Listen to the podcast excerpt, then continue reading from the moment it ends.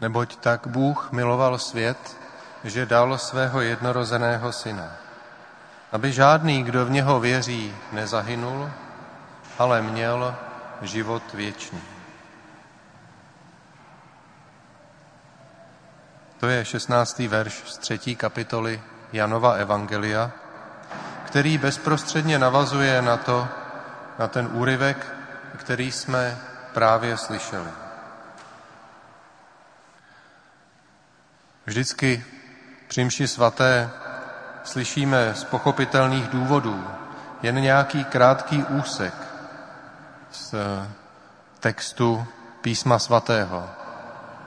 A vždycky stojíme před úkolem, jak ho zasadit do té souvislosti, z které byl vzat. A tak se můžeme zmínit o tom, že celá třetí kapitola Janova Evangelia je charakteru křestního, mluví o zásadní změně. Nejprve je to rozhovor Ježíše s Nikodémem, potom přijde ke slovu Jan Křtitel, který svědčí o Ježíšovi jako o tom, který přináší pravý křest skrze Ducha Svatého.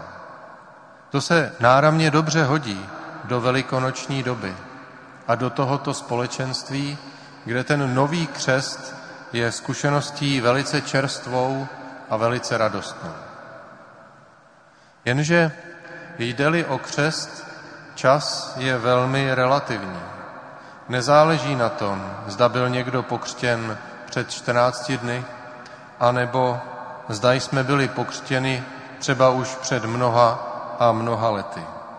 Jde o to, aby to, co jsme ve křtu přijali, v nás neustále zrálo. Chtěl bych se zastavit u toho starozákonního obrazu. Had vyvýšený na poušti, který Ježíš ve své řeči k Nikodémovi cituje. Protože je to něco, co se dá velmi dobře převést do dnešní doby. Izraelský lid putující po poušti ohrožovali jedovatí hadi a na obranu proti ním Mojžíš vstyčil podobu téhož, hada, udělaného z bronzu. A tak vlastně na slovo, které přikázal hospodin, měl být lid vyléčen od toho hadího jedu, který způsoboval smrt. Ale když Ježíš mluví o téhleté události ze starého zákona, má na mysli světlo své pravdy, kterou zvěstuje, a která má sloužit k tomu, aby nás uzdravila z té lži, do které člověk upadl už od eh, té Adamovy chyby, už od eh, toho zásadního prvotního odmítnutí boží lásky. Takže to, čím je pro nás především boží slovo životodárné, je jeho schopnost vyléčit nás ze lži. Mohli bychom říci současným jazykem z dezinformace. Vždyť tam nejde jen o to, že ďábel namluvil člověku něco, co není pravda. Tady jde o ten zlý úmysl a o tu intelektuální sílu, s kterou je ta lež skonstruovaná. To je něco, co není nové. A je to něco, nad čím Ježíš vítězí v srdcích těch, kdo se mu otevřeli. No a když nasloucháme Božímu slovu, zvlášť tak, jak ho máme předáno v Evangeliu svatého Jana, může se nám často stát, že tomu vlastně nerozumíme, že ztrácíme souvislost, že se nedivíme Nikodémovi, když se ještě dodatečně přišel zajímat o nějaké vysvětlení a spíše e, spolu s ním žasneme, že Ježíš nebere ohled na nějaké obtíže začátečníků, ale postupuje od věcí pozemských k nebeským a od otázek jednoduchých k ještě složitějším.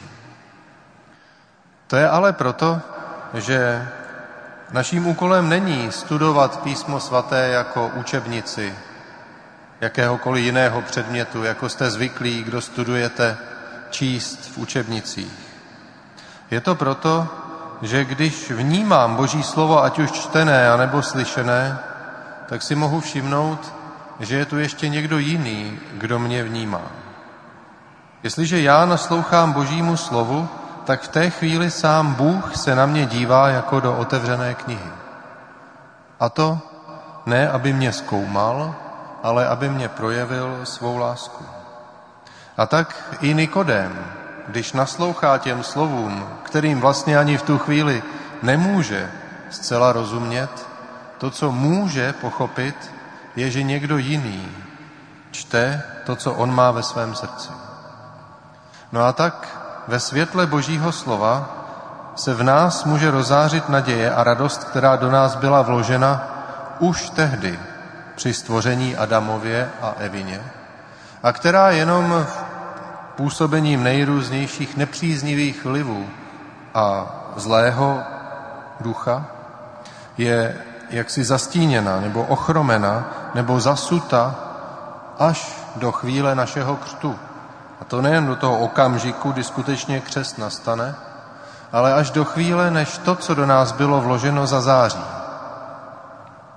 Kež tedy každý kousek Božího slova, který vnímáme, a zvlášť také i to dnešní evangelium, kdy Ježíš mluví jazykem nebeským, nespůsobuje nějaké starosti nebo potíže někomu z nás, že tomu jaksi nerozumíme a že to bude jak chyba, kterou musíme my napravovat.